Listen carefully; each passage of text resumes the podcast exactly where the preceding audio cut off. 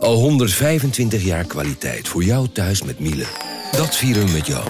Ontvang nu tijdelijk een cashback tot 125 euro op veel Miele-apparatuur. Geniet van de kwaliteit van Miele. Voor perfect verzorgd wasgoed en kleding die veel langer mooi blijft. Voor een stralend schone vaat, even perfect als jouw diners. En een stofvrij thuis waarin echt hygiënisch schoon de standaard is. Check miele.nl voor alle feestelijke aanbiedingen.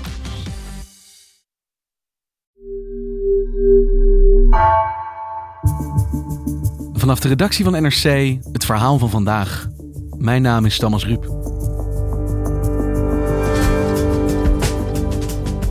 Het was een historisch besluit. Het demissionair kabinet gaf onder grote druk strikt geheime notulen vrij van de ministerraad. Zelden hebben we zo'n inkijkje gekregen in de werkwijze van ministers achter gesloten deuren, ziet verslaggever Lemja Aharouai. Wat gaat dit betekenen voor het vertrouwen in een toch al zeer gecompliceerde formatie?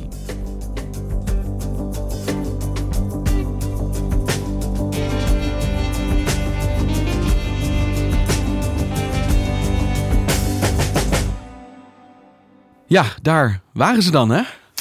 Ja, het was uh, om heel precies te zijn uh, 19 uur 49. Staat hier op de redactie natuurlijk gewoon letterlijk de tijd te doden totdat die stukken zouden komen. En uh, op dat moment kwam er een sms'je binnen van de Rijksoverheid. Die krijg je als journalist altijd als de ministerraad is afgelopen. En nu stond er een tekst bij. Er is een brief aan de Kamer gezonden met bijlagen. En deze worden zo snel mogelijk geplaatst op rijksoverheid.nl. En wij zaten natuurlijk vooral te wachten op die bijlagen, want dat waren de notulen. En die notulen, wat was dat nou voor een document? Ja, kijk, um, eigenlijk was het een stapeltje papier van iets meer dan 30 uh, pagina's. Uh, maar het was tegelijkertijd een heel belangrijk stapeltje papier, omdat het uh, gaat om uh, notulen van vergaderingen tussen mei 2019 en november 2019. En dat zijn niet zomaar notulen, het zijn notulen die alweer die formatie alweer aan het wankelen brengen. Den Haag is weer in reperoer. Er is weer een reden om met z'n allen over elkaar en met elkaar te praten.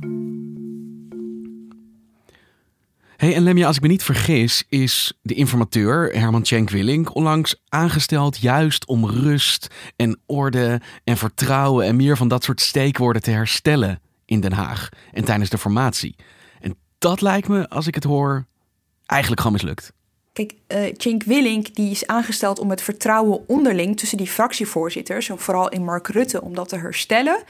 Uh, je kan je voorstellen dat is nog meer beschadigd. In plaats van dat er stappen vooruit zijn ge gemaakt, zijn er misschien door deze notulen wel wat stappen achteruit gezet. En kun je ons mee terugnemen naar het moment van zijn aantreden, hoe hij ten verschijnt? Goedemiddag. VVD-leider Mark Rutte ligt zwaar onder vuur in het Tweede Kamerdebat over de mislukte verkenning. Het is nu een whodunit geworden. Wie belde Mark Rutte? Ongevraagd om half acht vanmorgen. Hij heeft gelogen voor de camera. Voorzitter, dit is gewoon niet geloofwaardig. En hier scheiden onze wegen. Voorzitter, ik heb niet gelogen.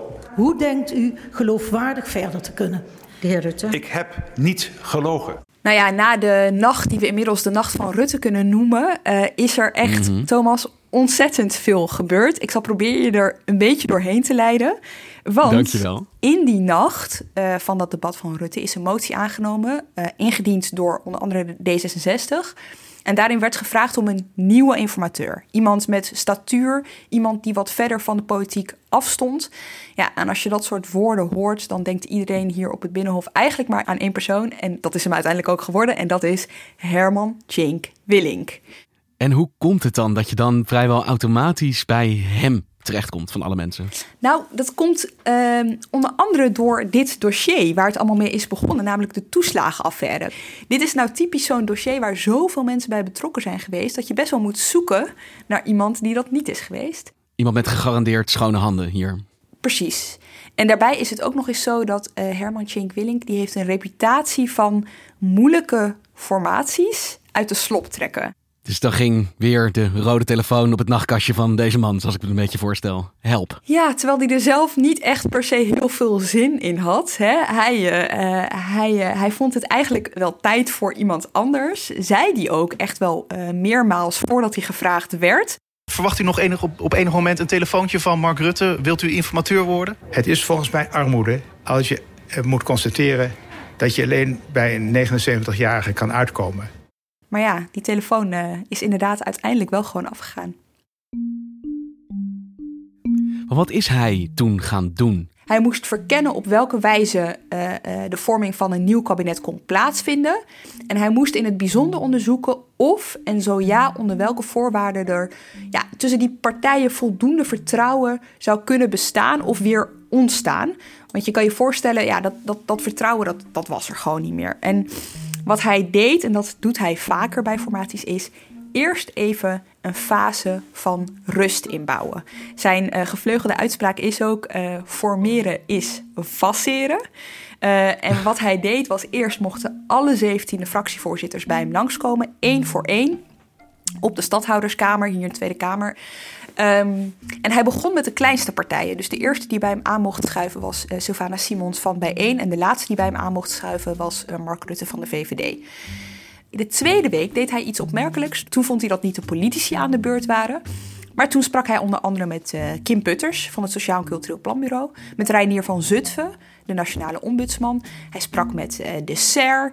Dus hij sprak um, met, ja, met vertegenwoordigers van, je zou kunnen zeggen, organisaties die juist gaan over de burger. En helemaal niet over politici. En pas in de derde en laatste week van zijn opdracht was het nog een keer de beurt aan alle fractievoorzitters. Weer in die volgorde van klein naar groot om bij hem langs te komen. En dat was vorige week. En dat was inderdaad vorige week. Iedereen keek er rijkhalsend naar uit, want dan zou eindelijk die, ja, die formatieperiode echt kunnen gaan beginnen of niet. Maar ja, toen gebeurde er weer iets in deze formatieperiode waar eigenlijk steeds maar weer iets gebeurt wat alles aan het wankelen zet.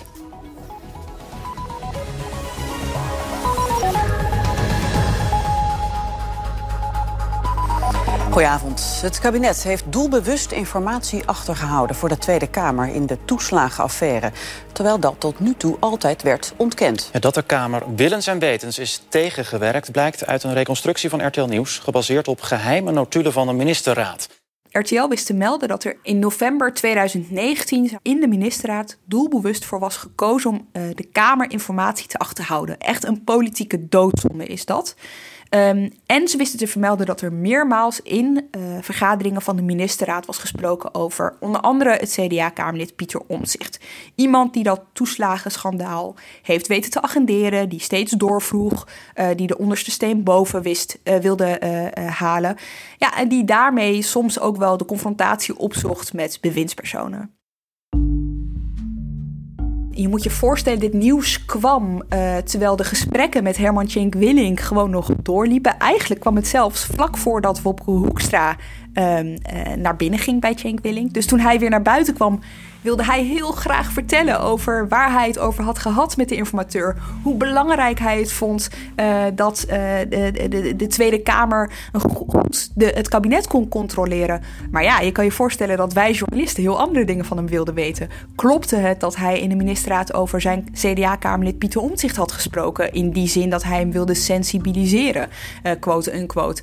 Klopt het dat hij erbij was toen het kabinet besloot om doelbewust informatie achter te houden voor de Tweede Kamer? Hij zat er niet op te wachten, kan ik je vertellen. Het, het botste ook op een gegeven moment een beetje met journalisten. Is daar in de ministerraad gesproken uh, over het sensibiliseren van de heer Omtzigt? Nee, u heeft gehoord wat ik net heb gezegd. Dat gaan we echt met een brief doen uh, en dan met een debat. U gaat hier geen enkele vraag beantwoorden nee, over... want ik sta, u, ik sta hier voor u als leider van het CDA. Hij bleef steeds uh, zeggen dat hij daar stond als CDA-leider... En dat de vragen die wij hadden eigenlijk aan hem als uh, demissionair minister van Financiën waren. Dus hij probeerde dat een beetje uit elkaar te trekken. Uh, maar dat, ja, Thomas, dat toont ook meteen aan waarom dit zo krankzinnig is. Want als CDA-leider zit hij nu al weken te praten over hoe belangrijk het is. Nou ja, komen die termen weer macht en tegenmacht, een nieuwe politieke bestuurscultuur, dualisme. Terwijl hij als de, demissionair minister van Financiën op dat moment dat juist niet kon uitvoeren. Weet je, dat is natuurlijk redelijk krankzinnig en toont ook aan hoe ingewikkeld het ligt. Je wordt er bijna duizelig van, al die rollen die die mensen hebben hier. Nou, het geldt dus niet alleen voor hem, want Sigrid Kaag uh, kwam uh, meteen daarna, uh, was meteen daarna aan de beurt. Zij um, ging een beetje verwarring zaaien over of zij überhaupt wel bij die gevraagde ministerraden aanwezig was. Ik zeg, wordt gezegd, u zat daarbij. Ik weet bijvoorbeeld fysiek niet of ik daar op dat moment in Nederland was of dat ik in Niger zat. Ik zeg nu, uh, dat is dan de laatste keer dat er een brief komt en dan wordt er daarna ook gedebatteerd in de Kamer op basis van alle feiten. Dat was best een, een gekke move, moet ik zeggen, zo uh, achteraf gezien. Want je weet, je kan wel raden wat wij meteen deden toen hij dat zei. Dat was de agenda's checken. Dat, dat kan gewoon, haar eigen agenda en de agenda van de ministerraden. En toen bleek dat ze er wel gewoon bij had gezeten. Ook voor haar natuurlijk wel uitermate ingewikkeld met een campagnebelofte van nieuw leiderschap. Zeker het geval. Weet je, dat ze daar uh, al die weken lang campagne mee heeft gevoerd. Dat. Uh, uh, dat komt nu steeds weer terug. Ik denk niet dat ze had verwacht dat ze al zo snel had moeten bewijzen wat dat nieuwe leiderschap dan al in had uh, gehouden. En wat is er vervolgens gebeurd na deze onthulling van RTL? Kijk, iedereen moest varen op uh, wat RTL had opgeschreven, maar wij hadden allemaal die notulen zelf niet onder ogen gezien. En toen was er op vrijdag vorige week een ministerraad. En na afloop kwam Mark Rutte naar buiten voor de deur van het ministerie van Algemene Zaken. En toen um, vertelde hij over toch wel een historische uh, besluit dat ze hadden genomen in uh, het kabinet. En dat is om de notulen vrij te geven. En je zegt, dit is een historisch besluit. Waarom ken je daar zoveel gewicht aan toe?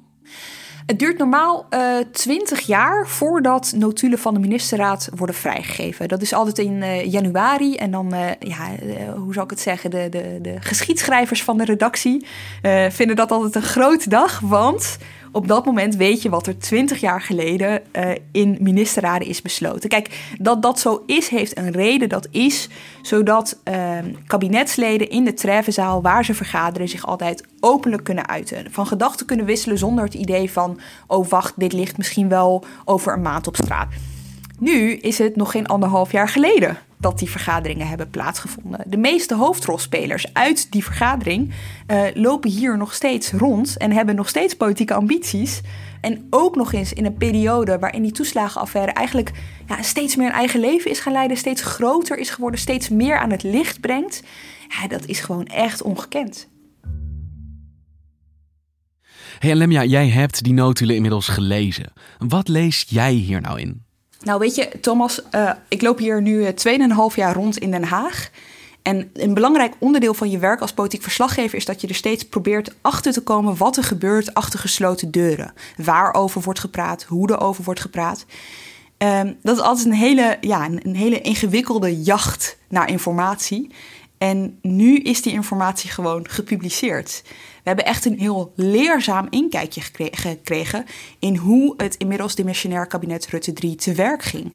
Want hoe was dat? Hoe gingen zij volgens deze onthulling te werk achter die gesloten deuren? Nou, een van de belangrijkste conclusies die je kan trekken op basis van deze documenten is Um, tot voor kort was het eigenlijk, dat hebben we ook al beschreven, hè, was het Rutte werd aangewezen als boeman, als degene die die verkeerde politieke bestuurscultuur uh, aan heeft gejaagd.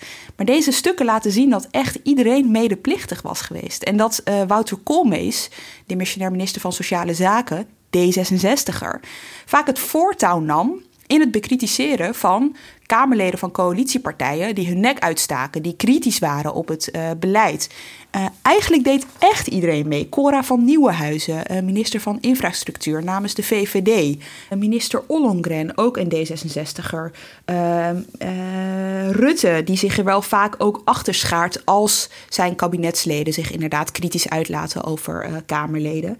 de enige die zich daar een beetje van weghoudt is Kaag, uh, inmiddels D66-leider, toen minister van Buitenlandse Handel. Zij geeft dan aan: het is misschien wel heel gezond dat er coalitiekamerleden zijn die toch wel wat uh, tegen mag tonen. Maar dat, daar stelt ze dan ook wel weer voorwaarden aan. Dus je ziet eigenlijk een kabinet die best eendrachtig Kamerleden bekritiseert.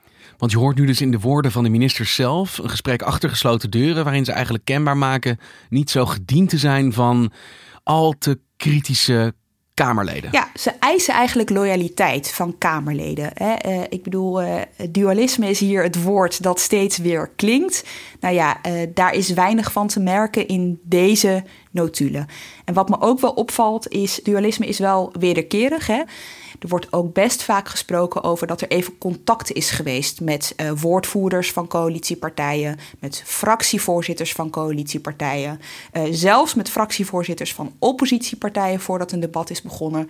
Dus um, ik moet zeggen, ik heb zelf ook wel gedacht tijdens het lezen van, van deze notulen, ja, het, het, moet natuurlijk wel van twee kanten komen. Die Kamer kan wel eisen dat er meer uh, dualisme is, hè, dat, dat, dat, dat, hoe belangrijk dat is, maar daar hebben ze natuurlijk zelf ook een rol in. Maar de onthulling van RTL Nieuws was tweeledig. Het, ene punt ging inderdaad hierom. Ministers die Kamerleden zouden willen sensibiliseren. Maar het andere punt zou gaan om feiten die werden achtergehouden of niet volledig werden gedeeld met de Kamer. Hoe zit dat dan? Ja, dat, dat klopt. Uit die notulen zou je dat inderdaad kunnen afleiden. Um, om eventjes te vertellen waar dat over ging. Uh, Omzicht onder andere, uh, maar ook Leijten en Lodders... die hadden uh, verzocht om een volledige feitenrelatie over die toeslagenaffaire. Zij wilden precies weten welke ambtenaren van de Belastingdienst... mogelijk onrechtmatig hadden gehandeld. Hetzelfde gold voor politici. Ze wilden gewoon een heel duidelijk overzicht. En je ziet in die notulen dat het kabinet daar echt heel erg geïrriteerd over is. vooral toenmalig staatssecretaris Menno Snel...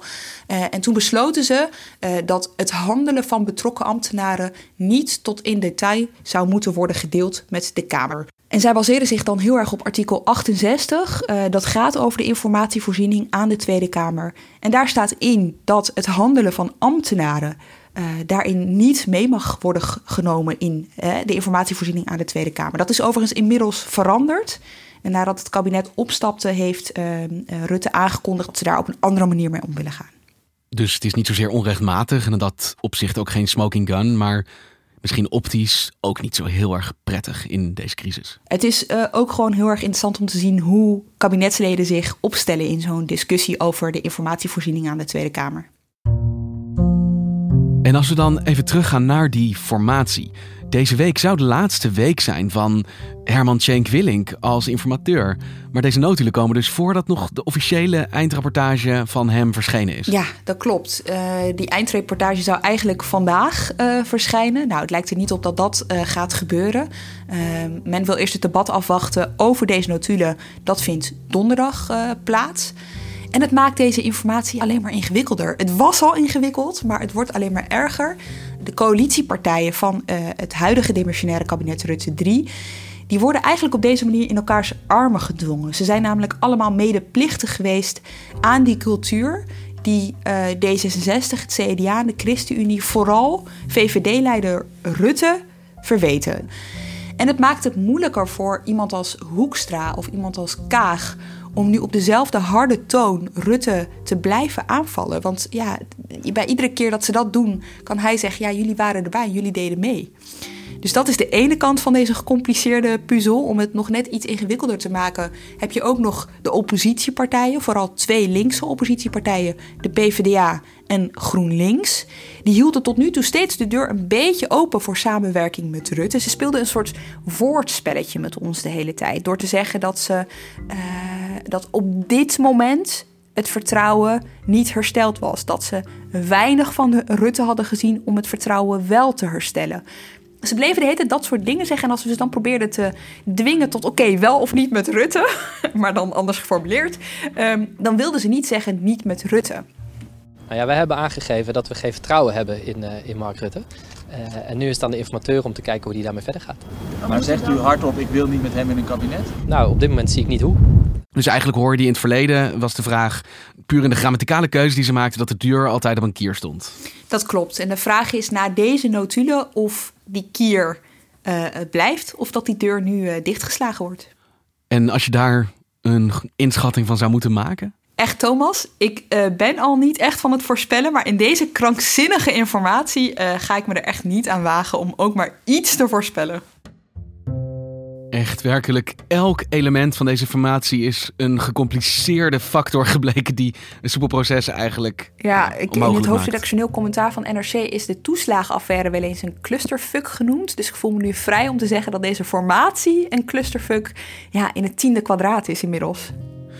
Eén ding is natuurlijk wel nu gebeurd. En dat is het verwijt dat er geen transparantie is, lijkt wel enigszins ingelost. Dus met ja, toch het wat jij zelf ook een historisch vrijgeven noemt van documenten. Dat vind ik wel heel hoopvol gedacht. Uh, het, het, het, het vrijgeven van deze documenten is natuurlijk niet zomaar gebeurd. Er is echt heel veel voor nodig geweest totdat het zover kwam. Ja, het zal ook niet de regel worden vanaf nu. Er zijn ook partijen die de hele tijd het juist als argument gebruiken van weet je wel, die, nieuwe bestuurscultuur waar alles zo transparant moet.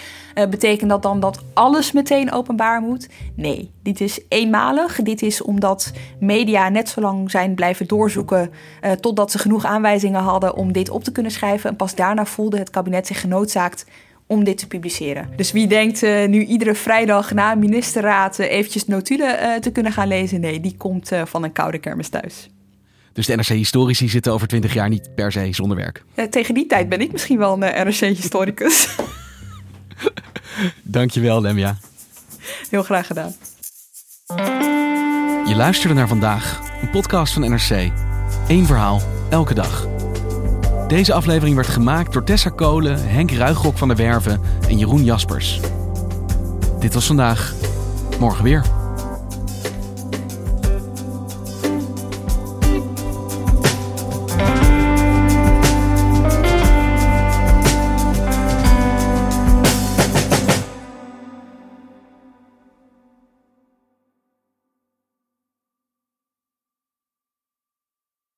Technologie lijkt tegenwoordig het antwoord op iedere uitdaging.